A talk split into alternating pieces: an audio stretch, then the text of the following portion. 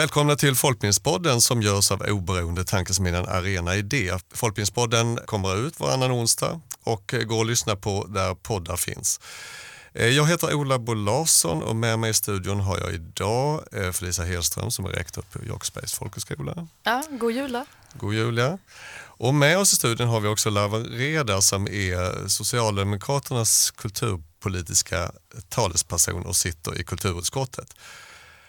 Hej. Välkommen hit. Ja, men tack så mycket, kul att vara här. Eh, är jag den som är sista gästen för i år? Du är sista gästen för i år för vi har faktiskt vi har väntat nu ett tag på utbildningsminister Mats Persson för att vi skulle prata budget utifrån regeringsperspektiv med honom.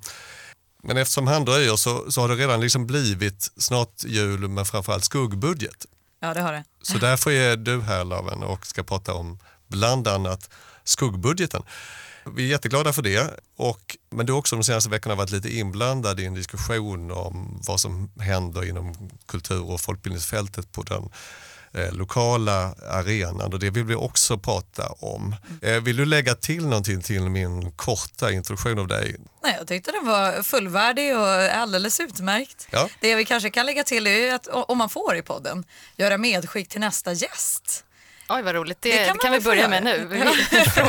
Jag tycker efter genomgång av skuggbudget och alla önskningar man har till ett nytt statsråd som ansvarar för detta viktiga område så, så önskar jag kanske i slutet att få göra, få göra lite medskick. ja, men en, en, ett paket. Sådär, Ett som man kan paket. skicka. Ja, Gör detta för att främja folkbildningen i Sverige. Just det. Eh, vi har förra avsnitt och två avsnitt egentligen pekat på saker som vi liksom kanske Folkbildningssverige inte riktigt nöjda med när det gäller folkbildningsbudgeten. Vad, vad innehåller Socialdemokraternas skuggbudget på folkbildningsområdet som inte finns i regeringens budget? Ja, när man skriver en skuggbudget med väldigt kort varsel så måste man göra sina prioriteringar. Så om man börjar med de stora penseldragen och sen kommer in på själva folkbildningen så är det ju att vi befinner oss i ett väldigt svårt ekonomiskt läge. Kriget har ju också, som är det värsta vi har sett på många, många år i Europa, eh, bidrar ju utöver krigets fasa till inflation, ökade elpriser och så vidare. Och hushållsekonomierna är djupt, i, i ett djupt ansträngt läge. Ehm, den här regeringen eh, har gjort sina prioriteringar. De har haft en hel del vallöften som vi nu tycks se inte infrias. Eh, det är kostsamma reformer de ska genomföra för att åstadkomma det de har, har lovat i valet. Så att det här är ju liksom frågor som är uppe på vårt bord när vi lägger vår skuggbudget. Att ett, vi vill rikta våra resurser till barnfamiljerna som har det som tuffast med höjt barnbidrag, med att slopa det här skiktgränsförändringen med att se till så att barn och unga får efter pandemin tillbaka tillträde till kulturskolan, idrottsaktiviteter. Eh, nu slopar till exempel den här regeringen en väldigt viktig utredning som handlade om att titta på fritidsgårdarna och fritidsverksamheterna, hur staten kan vara med och främja förutsättningarna för dem. Sen är det ju framförallt på folkbildningsområdet en kraftig nedskärning som görs. Det är uppemot en 495 miljoner eh, som, som görs. Vi utökade ju satsningarna rejält med förra budgeten och det syftade ju till en återstartsbudget och tillfälliga satsningar på de behoven som vi, vi kunde se. Eh, många som har flytt krigets Ukraina som behöver en ingång och där vi har sett hur snabb omställningsbar folkbildningen är för att nå just dessa grupper. Man gör ett helt, helt fantastiskt arbete, ett heroiskt arbete för att nå, nå dessa grupper. Men det handlar ju också om att nå dem som, som inte har haft förutsättningar att komma in på arbetsmarknaden eller unga människor som kanske inte har klarat skolgången men som behöver andra förutsättningar att göra det. Där ser vi ju också att ja, det kostar med folkbildning men effekterna är ju otroliga. Eh, Men pengarna var inte där. Nu men nej, nu, nu är det ju så att det har funnits ehm, ja, men en ambition då att försöka återgå till den normala budgeten på, eller den tidigare budgeten Eh, innan de här särskilda pandemisatsningarna. Men utöver det så har ju vi sagt att nej, det, det är otillräckligt. Så vi lägger ju på 200 miljoner extra och vi säger inte exakt vad de ska gå till för att vi bedömer också att folkbildningen och studieförbunden måste liksom få ta fram prioriteringarna själva. Men där vi säger bland annat utöka folkhögskoleplatserna så att man kan bibehålla några av de platser som man utökade med. Och det andra vi också säger det är ju till studieförbunden, deras särskilda insatser för det demokratiska arbetet, kulturarbetet, men också de här riktade satsningarna för, för nyanlända. Sen är det ju klart, det skiljer oss och borgerligheten 200 miljoner och då kan man ju ställa frågan så här, är det verkligen det här som är den stora konflikten budgetmässigt? Jag skulle säga nej, det är det inte, för det, det är två skilda saker. vi har konstant under våra år vid regeringsmakten utökat den nationella budgeten för folkbildningen för att vi tycker den är så otroligt viktig. Vi har använt nästan alla verktyg för att kunna göra det här. Men folkbildningen bygger egentligen på tre ben. Det är ju att det ska vara det kommunala, det ska vara det regionala och det ska vara det nationella. Hade de kommunala och regionala eh, stöden till folkbildningen också ökat i samma omfattning som det nationella så hade vi kanske sett helt andra förutsättningar. Sen är det klart att vi hade behövt ha ett mycket starkare handslag partierna emellan för att också stärka eh, det nationella. Men nu har vi liksom hamnat i någon form av konflikt mellan tre parter där egentligen ingen vill ta ett särskilt ansvar. Men, men vi efter pandemin i alla fall tycker jag gjorde oerhörda insatser för att lyfta fram folkbildningens värde och vikt. Och jag upplevde också att vi fick ett medborgerligt stöd för det arbetet för att så många satt isolerade hemma, kände av att man inte kunde gå på en studiecirkel eller genomföra kulturella aktiviteter, gå på seminarier eh, med mera. Och eh, när den legitimiteten byggs så menar jag att då måste man jobba vidare på det. Då har vi verkligen en, en chans att göra det. Mm. Så, det... så 200 eh, i, i skuggbudgeten så ligger 200 miljoner mer än vad regeringen lägger och det är, det är en bit upp till de här 500 miljonerna som, som blev mindre så att säga än förra året. Eh, Vänsterpartiet och Miljöpartiet lägger ju 6 respektive 700 miljoner mm. i sin skuggbudget. Varför tänker de, på vilket sätt tänker ni annorlunda än dem? Det handlar ju om att de har en helt annan, helt annan budget eh, intäktsmässigt. De utökar skatt, de gör andra saker som vi inte gör i våran budget. Eh, vi har ju analyserat att det här just nu, att lägga en någorlunda stram budget är relevant för att inte spä på inflationsutvecklingen det här året. Eh, hur liksom Vänsterpartiet och Miljöpartiet resonerar kring deras budgetar, det, det kan inte jag svara för utan det, det, får de själva resonera kring. Men trots det, att vi ändå lägger en ganska stram budget så har vi haft en 600 miljoner mer till kulturbudgetens helhet och vi gör inga nedskärningar på utbildningsområdets sida heller. För vi menar att i en stundande lågkonjunktur så måste man rusta människor. Sen är det ju, ja det var det jag skulle resonera kring. Det är både budgetfrågan men det är också värderingsfrågan. Alltså man, um, det som händer nu på, tycker jag, framförallt kommunal och regional nivå, det är att man riktar sig in gentemot vissa specifika folkhögskolor, vissa specifika studieförbund och säger att de här har koppling till det och det och därför ska de inte ha budgetstöd. Så det här begreppet armlängds avstånd blir ju minst lika relevant nu att börja diskutera. Eh, vad betyder det när mm. enskilda partier, enskilda aktörer men framförallt de som sitter vid makten och blir regionstyrelsens ordförande eller eh, kommunalrådet i en viss kommun som pekar ut att exempelvis ABF är den verksamhet som inte mm. ska ha pengar. Då låt, är vi också oss, inne i eh, någonting som, som förändrar, vill jag bara lägga till, grunden för att kunna bedriva studieförbund och folkbildningsarbete. Just det, värderingsfrågan fortsätter vi med alldeles strax. Jag tänkte bara för att lyssnarna ska få just det här med skuggbudgeten och eh, siffrorna klart för sig kan vi också säga att Centerpartiet har 87 miljoner eh, som de vill lägga till folkbildningen. Eh, och det ser jag om man ser deras, vad de beskriver så är det, verkar det vara mer som en, av liksom, en indexering av, av, av kostnaderna. Ja, jag tänker att det, du inledde med att prata om eh, hur många ukrainare som kommer och alltså de behoven som finns idag. Så jag tänker att det här med en stram budget det som, eh, nu ligger ni i en skuggbudget så det är inte något vi kan, vi kan bara leka med det i skuggan här då, men eh, det som är behovet, tänker jag, som vi alla ser nu inom folkbildningen är ju just de ukrainare som kommer som inte får SFI till exempel. Där är, och kriget håller inte på att ta slut just nu som det ser ut och då där är ju ett skriande behov. Så, så jag tänker just den där strama budgeten skulle jag gärna se vara lite mer generös för att det är där som vi verkligen skulle behöva gå in. Mm. Och där det... vi, offent, vi har ju offentliga, eh, vi pratar bara bidrag här nu från, från det offentliga och vi pratar om staten och, och regioner och kommuner. Men folkbildningen har ju just i den frågan där ja, har det hänt någonting. Ja, nu har vi ju sökt oss till Europeiska socialfonden och fått pengar därifrån.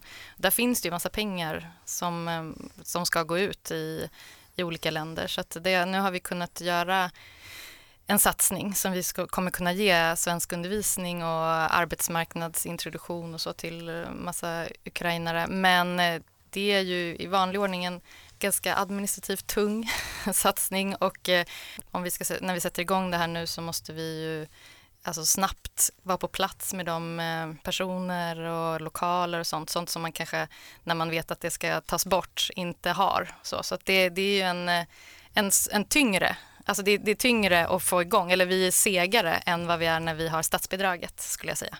För att då, då måste det krävs lite till. Så. Mm. Men trots allt så det här projektet då som Folkbildningsrådet söker, det motsvarar lite grann av den förlusten på, på eh, ja, 110 hel... minus 30 miljoner som fanns i regeringens budget. Ja. Den har kommit via Ja, det har det e härliga namnet CARE, heter okay. det projektet, mm. Mm. vilket jag tänker jag vet inte vad det, det är ett antal folkhögskolor och studieförbund som är med i det ja. projektet. Mm. Bedömningen av hur krigets utveckling kommer te sig kommer ju behöva revideras från nuvarande regering. Eh, den ingången man hade kanske under slutet av våren, nu också tidig höst, det, det är ju annorlunda idag. Det är något annat nu. Eh, jag tror också att vi står inför en en situation där vi kommer se väldigt många fler flyktingar från Ukraina ja, med anledning av givet, eh, tyvärr. givet situationen. Ja. Och det gör ju precis det som du är inne på, ett behov från politikens sida att revidera eh, hittills de planer som har varit, verkligen analysera att de som har kommit till Sverige måste få goda förutsättningar att kunna få påbörja ett, ett nytt liv i Sverige där SFI är en av de viktigaste verktygen för att lära sig språket och komma in i, i samhället. Och där vi kommer också behöva se väldigt mycket mer satsningar nu. Det som är bra eh, utifrån den beredskap vi har byggt fram i Sverige sedan 2015 är att vi har kunskaper. Vi vet hur vi ställer om samhället för att kunna möta människor i kris. Eh, alla de sakerna som vi inte riktigt hade beredskap och kunskaper kring i vår myndighetsstruktur eh, innan 2015. Det har vi ju byggt fram nu. Så det är ju, egentligen är det ju att vrida på liksom, knapparna och verkligen sätta igång ett arbete. Så att vi har ju vädjat till nuvarande regeringen att eh, att ta nya initiativ och vi kommer givetvis att ställa oss bakom det. Och det finns goda förutsättningar med en vårbudget och en vårändringsbudget att kunna stötta upp inte minst folkbildningen för det här arbetet. Nu har det inte lyfts fram kanske i en, i en höstbudget. Jag tycker att den här regeringen går för stramt framåt. Vi hade då våra ytterligare 200 miljoner där vi också lyfte fram eh, situationen för, för de som har kommit till vårt land från Ukraina. Men skulle det vara så att regeringen tar fler initiativ och vi kommer också lägga fram en vårändringsbudget där vi kommer att behöva eh, titta vidare på den här frågeställningen för den, den är akut och det är här och nu. Ja, men jag tänker just för att man ska gå steget före och inte vänta för länge. För det, jag tänker att det är en av de lärdomar man har dragit under de här åren när många har kommit. Mm. Att, att, att våga satsa tidigt för att det, vi har allt att vinna på det och inget att förlora. Mm. På tal om medskick till, till statsrådet då. då som det, kom, det, kom redan nu. det var en ja, av mina frågor. Så här, finns det beredskap nu? För det här, ja. det här är en sån angelägen fråga. En, en annan, man bara kan associera vidare i, kring den frågan så kan man ju säga lite grann, vi hade eh, i Rörelsefolkhögskolornas senaste nyhetsbrev så konstaterar Rio då att det finns två ordföringar Eh, för folkhögskolor som har nu kommit in i riksdagen. Och en av dem är Mirja Rähä eh, som är ordförande för Långholmens folkhögskola eh, och nyvald riksdagsledamot. Då. Hon säger att vi vill rusta människor till att bli aktiva medborgare. Och då kommer jag att tänka på just det där begreppet medborgare som vi använder så väldigt mycket i folkbildningen. Mm. Och det här är ett exempel på där vi pratar om folk som hamnar utanför det begreppet medborgare. Och det, det är ju, om vi tittar på den politik som förs nu så så är det väl en framtid vi går till möte. Så ska folkbildningen förhålla sig till detta. Medborgare och icke medborgare. Vårt statsbidrag vänder sig till medborgare. Mm. Är, jag, jag, ställer ja. frågan till er båda. Eh, man vet väl aldrig vem som blir medborgare i slutet, tänker jag. att man, eh, det är därför, eftersom det ser olika ut i olika länder. I vissa länder får man rösta till exempel fast man inte är medborgare. Alltså det, det är ett flytande begrepp, så jag tänker att, att hålla det flytande inte helt fel. Eh, men att då vara lite aktiv för att eh, alltså åtminstone bjuda in folk eller ha en chans eh, och inte vänta så länge med det. För det tycker jag att vi ser konsekvenserna av när vi som samhälle är, lite, är för långsamma på den fronten. Jag tänker det finns en teoretisk diskussion här och sen finns det en praktisk diskussion. Den teoretiska diskussionen kring medborgarskapet i det svenska samhället har ju delvis eh, haft två ben. Det ena är att eh, när vi har den välfärds, det välfärdssamhälle vi har så bygger det på bärkraft många gånger. Att vi är med och finansierar för varandra våra liv, våra försäkringar, våra villkor. Eh, och då blir liksom medborgarskapsbegreppet väldigt relevant. Nu är det ju, har det ju luckrats upp med anledning av att du kan jobba och vara en del av det svenska samhället, betala skatt och, och faktiskt vara en del av det utan att vara medborgare. Men sen finns det den andra teoretiska bilden som handlar om att man vill inskränka allt eh, vad välfärd heter för de som inte är medborgare. Det vill säga att eh, är du det, då är du välkommen in. Är du inte det, är du inte välkommen in. Så har vi liksom det tredje perspektivet som handlar om det demokratiska samhället. Eh, för att om man ska vara så strikt vad gäller frågan om medborgarskapet och vad man ska få ta del av så kommer vi behöva luckra upp saker och ting som vi har tagit för givna idag och som vi bär upp tillsammans på grund av att vi tycker att det är demokratiskt. Ja, men ett, ett väldigt tydligt exempel tycker jag är en, eh, en del som stipuleras i Tidöavtalet som handlar om att nu ska alla som jobbar inom myndigheter och kommuner ange eh, om man möter en människa inom sin verksamhet som man bedömer vara papperslös exempelvis.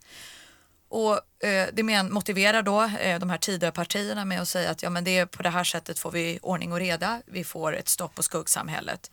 Det kan delvis vara rätt, men går det så pass långt att vi börjar liksom luckra upp sådana här saker som jag tycker är, har en helt annan bärande princip, det vill säga det demokratiska samhällets princip, då, då tror jag vi är inne på någonting som kommer att förändra vårt samhälle i grunden.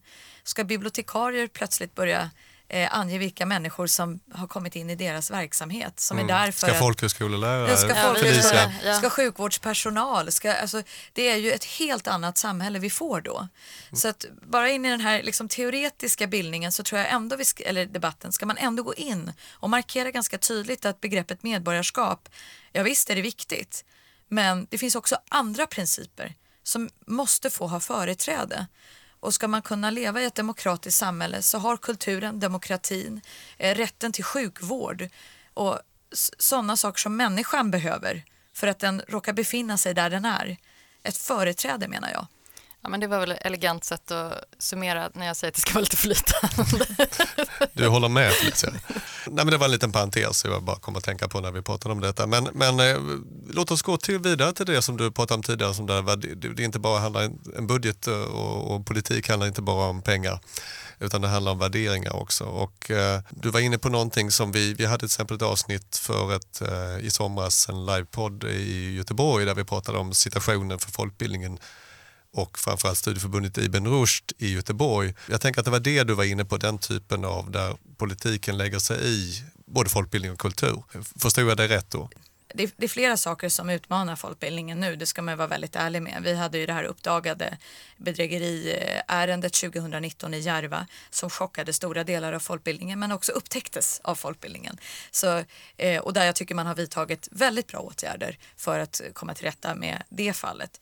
Sen har vi den andra delen som handlar om det stora civila samhället, trossamfunden och så vidare och där vi vet, och det vet vi sedan 2015 och då satt jag i riksdagens justitieutskott, att vi har föreningar i vårt land, vi har verksamheter i vårt land som gör det motsatta.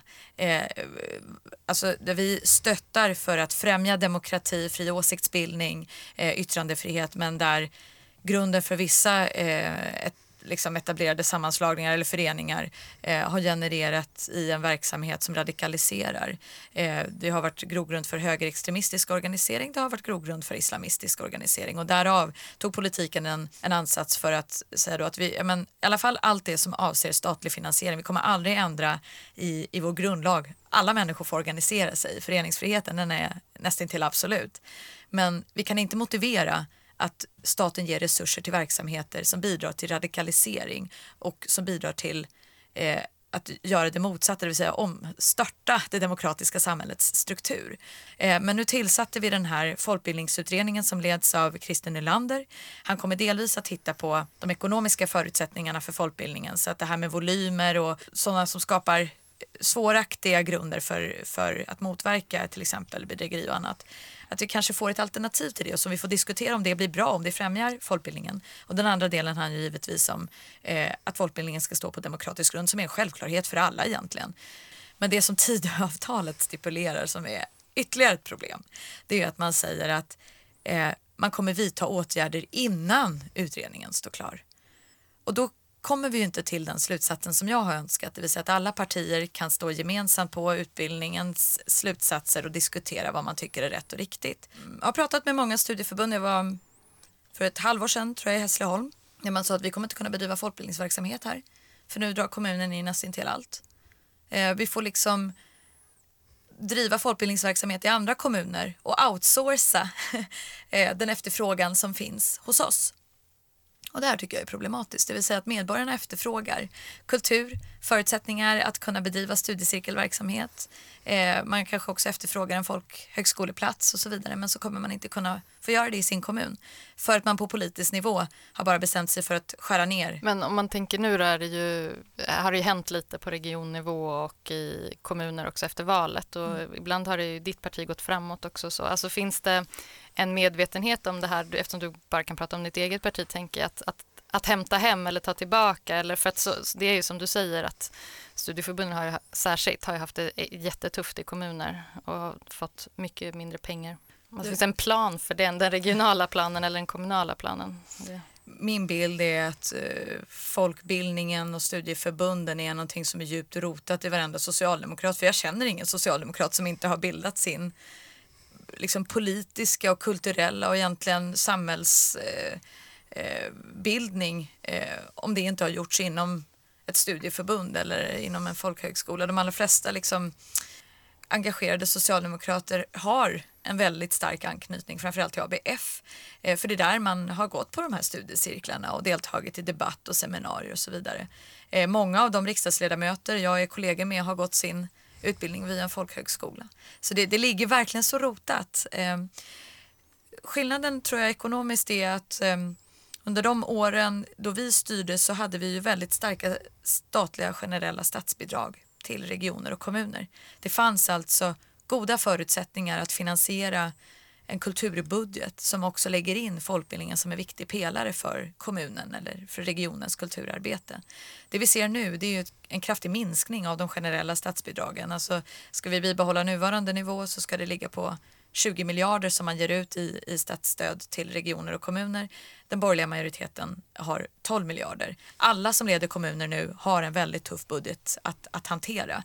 Och vad är det man då prioriterar bort? Dessvärre upplever jag att man prioriterar bort kommunen för att det är de liksom det blir eh, sjukvården, det blir äldreomsorgen, det blir de här prioriteringarna som måste gå före alltså man kan ju säga att det är ny regering och så, men också att eh, om man inte får fram hur viktig kultur är, som jag tänker att det kanske man inte fått fram tidigare, eller hur folkbildning, alltså där tänker jag att, har vi pratat i den här podden också, att det får vi folkbildning ta på oss också. Men alltså, det, det är ju lätt bara att ta bort kultur eller folkbildning om man inte har en, liksom, en idé om att det ger någonting till en region till exempel. Alltså, vem vill bo på en ort där det inte finns utbildning eller en teater eller mm ett bra fik eller en, ett bibliotek. Mm. Det, det, visar sig oftast att det är inte så många som vill det men det är svårare att visa på det.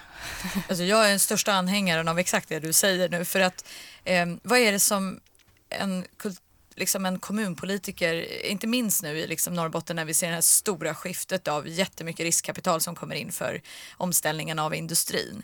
Vad är det man måste göra? Ja, men man måste expandera, man måste bygga bostäder, man måste bygga samhällen. V vad är det man har gjort i Skellefteå? Jo, man har lagt hur mycket resurser som helst för att bygga ett kulturhus, Saga kulturhus. Varför då? Jo, för att det inte bara ska bli en, en arbetsplats att gå till. Det är för att familjerna ska flytta upp, de ska bygga samhällen. Det ska vara ett, en plats som man som människa kan leva i med sin familj. Där man får bilda sig, där man får ha fritidsintressen, där, man, eh, där det känns attraktivt att vara på. Eh, nu nämnde jag Skellefteå, Boden samma sak. Alltså, och om vi inte har kultur, om människan inte möts, om man inte får bilda sig under sitt liv så, så tappar vi egentligen allt vad ett samhälle är. Kulturen kommer ju finnas ändå på ett sätt. Eh, för människor är kulturella varelser. Vi kommer hitta vägar och snåra oss fram. Till och med i samhällen där kultur är förbjudet så är kulturen så relevant och så engagerad.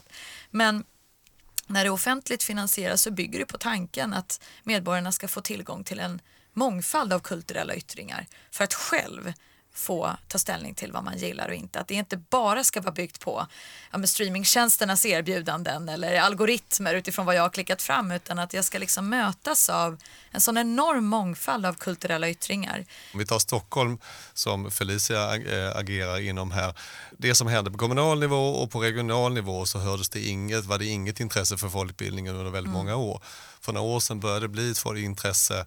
Det har skrivits folkbildningsstrategier man har också nu gått ut och lovat pengar, 9 miljoner kronor i eh, extra och att man ska komma upp i nivå när det gäller regionbidraget för folkhögskolorna till exempel. Men ett resultat är också då att man gör samma sak som man har gjort som har diskuterats väldigt mycket på nationell nivå. Man säger att ja, de här 9 miljonerna det kommer troligen bli då att vi vill ha vissa kurser som regionen vill ha som, som passar eh, våra mål och så. Så det är väl en ganska, är inte, jag ställer frågan till er båda två, är inte det en ganska rimlig, liksom, rimligt sätt att hantera det här? Att, vi, att folkbildningen får vara beredd att bli av med lite frihet om man ska ha ökade resurser. Eller? Felicia Larven? Ja, på ett sätt tycker jag det. Jag tycker också att vi, precis som vi gjorde med extra platserna, som vissa var ju också riktade mot yrke och sådär, jag, jag kan tycka att det finns att det är viktigt att vi också lyssnar in det som politikerna tänker att det här, det här behöver ni vara en del av. Så att mitt svar blir egentligen både ja och nej för att sen kommer det här armlängds avstånd. Ja, varför pratar man om det? Ja, men det är lite för att inom folkhögskolan då som försöker vi alltid säga vad är det vi är? Var, varför är vi annorlunda mot andra skolformer och så? Och då tänker jag en del är ju det här att vi får utforma själva. Vi, får, vi är nära deltagarna, alltså behoven i samhället. Vi, vi, om, om det växer fram från oss så kan vi ofta träffa väldigt rätt. Eh, och det är också en stabilitet att inte hela tiden ha de här som projekt eller nu ska ni göra den här satsningen och så. För att eh, om man går på folkhögskola och har en kontinuitet med, med lärare eller vilka, eh, ja, framförallt lärare tänker jag, så är det svårare att ha det såklart. När en region säger, men nu, nu kör vi den här vändningen, häng med. liksom. Så att jag, jag är lite kluven där, eller, eller framförallt så tänker jag nog att man måste, man måste nog ha både och. Eh, och både från politikernas sida och från folkbildningens sida så måste man liksom köpa båda perspektiven. Att ja, ja men vi kan vara stabila, eh, erbjuda eh, utbildning och bildning på ett, och, och också vara kulturnav som vi ofta är när vi erbjuder eh, vi bjuder in folk till våra skolor som inte kanske går på skolan och har sådana kulturprogram och så. Eh, och då måste vi ha en stabilitet och en förutsägbarhet. Eh, samtidigt som jag kan förstå att ja, en, en viss andel, en, det kanske ska vara det där som vi säger, ja, vi hoppar på det här. Ja, vi, vi testar och ser om vi kan gå i samma, eller se det ni ser och göra det. Mm. Så tänker väl jag.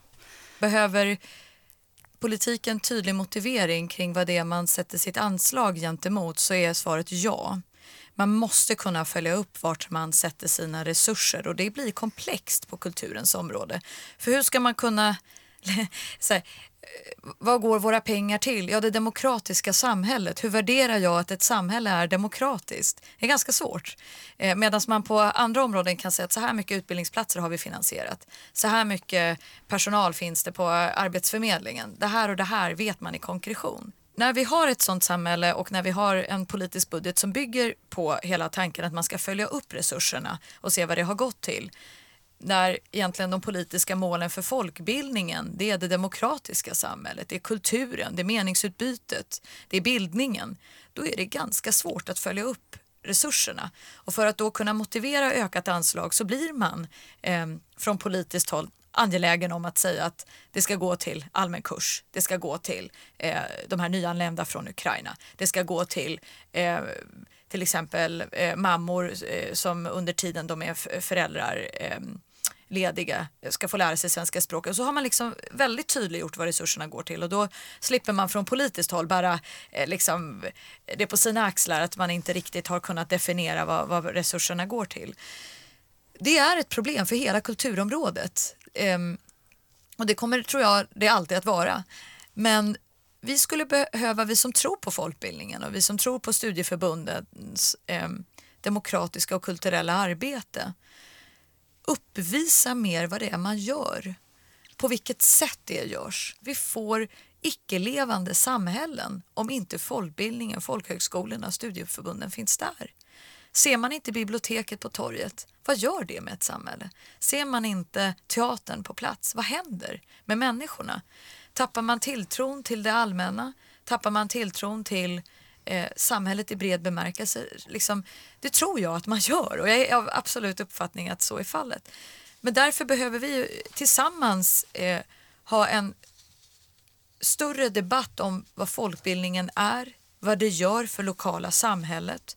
För att på så sätt blir det också lättare på nationell nivå exempelvis att kunna motivera att all det stöd man ger inte nödvändigtvis behöver gå till riktade anslag inom folkbildningen utan att det ska gå till det generella anslaget där man längst ut i kapillärerna får bestämma vad behovet är i vår ort där vi bedriver verksamhet. Men det blir svårare i brist på eh, den typen av debatt för att nu har vi under de senare åren hamnat i ett läge där det har varit väldigt mycket hög eh, tonalitet kring resurser och fusk och det har, jag hårdrar det. Eh, och ja, det har varit en, en, en, stor debatt om huruvida folkbildningen eh, lever upp till sina demokratiska principer. Ja, men det tar ju bort egentligen all annan verksamhet som faktiskt görs och som upprätthåller tilliten till det demokratiska systemet eh, och till civilsamhället och till mångfalden av yttringar. Så att vi, vi behöver verkligen fundera ihop hur vi kan få en sån ansats för att möjliggöra också en, till sist då en, en budget som, som kan säga att nej men, folkbildningen, alla vet vad det är, alla vet hur viktigt det är. Vi behöver inte gå in och sätta bara tydliga liksom, riktade anslag utan generella anslag är bra, det är helt nödvändigt. Så att vi är inte där nu, men det borde vara en målbild att vi har blivit så duktiga att kom, på att eh, berätta, visa upp. Ni gör det, men kanske skulle vi kunna göra en ansats ihop. Ja, men jättebra. Jag tror att, att vi eh, därmed har eh, sagt det mesta, tänker jag. Är det någonting du vill skicka vidare till Mats Persson, mer än att jag tänker skicka vidare den här frågan om operahuset till honom, om jag träffar honom? Ja, men jag har tre medskick. Mm. Det första är, jag vädjar till statsrådet att inte vidta några initiativ för folkbild på folkbildningens område på nationell nivå innan vi har utredningen klar. Och att det finns ett önskemål från vår sida att han ska sträcka ut en hand till oss. Han behöver inte lösa alla knutar med Sverigedemokraterna. Låt de demokratiska partierna få, få eh, säga sitt om folkbildningen innan man går vidare med något. Eh, se det som en möjlighet i en svår tid. Två, eh, det kommer vara fortsatt debatt i riksdagen om folkbildningen och alla frågor kommer att fortsätta ställas. Eh, han ska känna viss press från oss socialdemokrater eh, Lyckas han så är mitt medskick i alla fall att höja anslaget till folkbildningen. Vi kommer att följa det, garanterat. Eh, så det är det andra medskicket. Och det tredje, eh, jag hoppas så innerligt att statsrådet går ut och besöker folkbildningsverksamhet och studieförbund i sitt uppdrag. Det är jag helt säker på att han kommer göra, men bredda de besöken. Besök också de områdena som kanske inte alltid får ett besök av ett statsråd för att se helheten av vilket otroligt viktigt eh, område han faktiskt ansvarar för. Eh, jag hoppas att han har valt det aktivt själv eh, för att det, det, blev en ny liksom, eh, uppställning av vem det är som ska ansvara för frågorna. Men eh, i debatten så sa utbildningsministern till mig att han har eh, sitt hjärta och själ i idrottsrörelsen, kanske inte folkbildningen. Så att eh, mitt medskick till honom är gå och besök verksamheterna. För att det är liksom idrottsrörelsen en av de viktigaste delarna för att bygga upp det demokratiska samhällets grund. Människor i förening som bildar sig tillsammans. Mm. Jag hörde Mats Persson, vad du får för medskick? Jag har en fråga. Jag tänkte bara, vi har inte pratat så mycket, du berättar om alla dina partikamrater som har minnen från folkbildningen. In, dra inte hela nu, för jag tänker, men någonstans har du ju ett brinn här kring folkbildningen. Har du något så här schysst folkbildningsminne som du själv varit med om? Alltså någon, en studiecirkel eller varit på folkhögskola som du kan bjuda på? Oh, jag, har, jag har för många faktiskt. Men jag, i och med att jag är från Stockholm och eh, liksom mitt andra vardagsrum har varit ABF-huset på Sveavägen 41. Eh, så tycker jag att de åren eh, då Göran Eriksson var programchef för ABF, det var de åren av liksom, då ABF för mig, det, ABF har ju alltid varit stort och det blev liksom jazzens centra och det har varit så, det finns ju alla historiska epoker. Men då jag växte upp så var Göran Eriksson eh, programchef. Och eh, de åren han ledde så är jag så tacksam att det var just de åren jag var ung, eller yngre. För att jag fick ta del av så otroligt mycket bra i den verksamheten. Det var litteratur, det var oppositionella eh, liksom, eh, politiska ledare som besökte verksamheten. Det var liksom fullt drag på ABF-huset. Så ska man vitalisera ABF inför det kommande århundradet inte bara ABF, alla studieförbund och alla de fysiska platser som är, så är det verkligen att ha de mest eminenta av programchefer se till så att aktualiteten och intresset ökar för folkbildningen. Och det görs bara genom att ha riktigt grymma program. Mm. Då fick vi en medskick till ABF också. och sen kan vi också när vi ändå pratar ABF så kan vi göra lite reklam för en folkbildningsopera som inte egentligen är kanske en opera utan mer ett eh, hörspel, radioart har gjort. Eh, där har, läser man högt ur 1922 års ABF-program. Eh, fem, ja, 20, 30, 40 personer läser, eh, folkbildare, konstnärer och poeter. Och den kan man lyssna på alltså på radioart och då kan man betala 50 spänn och swisha iväg det och så får man lyssna lite så här i jul, äh, få lite en känsla för hur det var en gång i tiden. Ja, men, eh, men därmed så skulle jag vilja tacka så hemskt mycket för idag. Felicia Larven, jättetrevligt att prata med er. Vi och alla ni som har lyssnat önskar vi en god jul och så ses vi 2023 då vi fortsätter med Folkbildningspodden. Hej då! Hej då, god jul! Gott nytt år!